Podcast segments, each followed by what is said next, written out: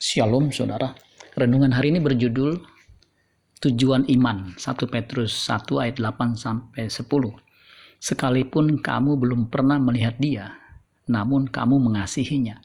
Kamu percaya kepada dia sekalipun kamu sekarang tidak melihatnya.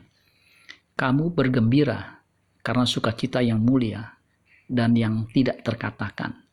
Karena kamu telah mencapai tujuan imanmu, yaitu keselamatan jiwamu Keselamatan itulah yang diselidiki dan diteliti oleh nabi-nabi yang telah bernubuat tentang kasih karunia yang diuntukkan bagi kamu.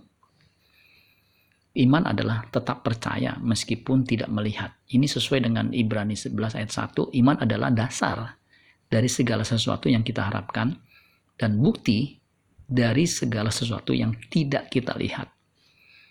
Allah itu roh dan roh tidak terlihat kita harus percaya bahwa Allah itu ada. Iman juga punya definisi lain, yaitu penurutan terhadap kehendak Allah. Sehingga iman punya tujuan, yaitu keselamatan jiwa. Keselamatan inilah yang tidak dimengerti oleh para nabi, dan mereka menyelidikinya.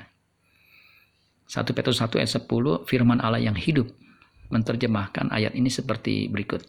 Keselamatan ini tidak dapat dimengerti sepenuhnya oleh para nabi, sekalipun mereka menulis tentang hal ini. Mereka bertanya, bertanya-tanya apakah gerangan artinya. Ketika Kristus datang, maka keselamatan menjadi jelas dan bisa menjadi milik yang pasti bagi mereka yang berusaha hidup berkenan kepadanya. Ibrani 6 ayat 11, tetapi kami ingin supaya kamu masing-masing menunjukkan kesungguhan yang sama untuk menjadikan pengharapanmu suatu milik yang pasti sampai pada akhirnya. Amin buat firman Tuhan. Tuhan Yesus memberkati. Sola Gracia.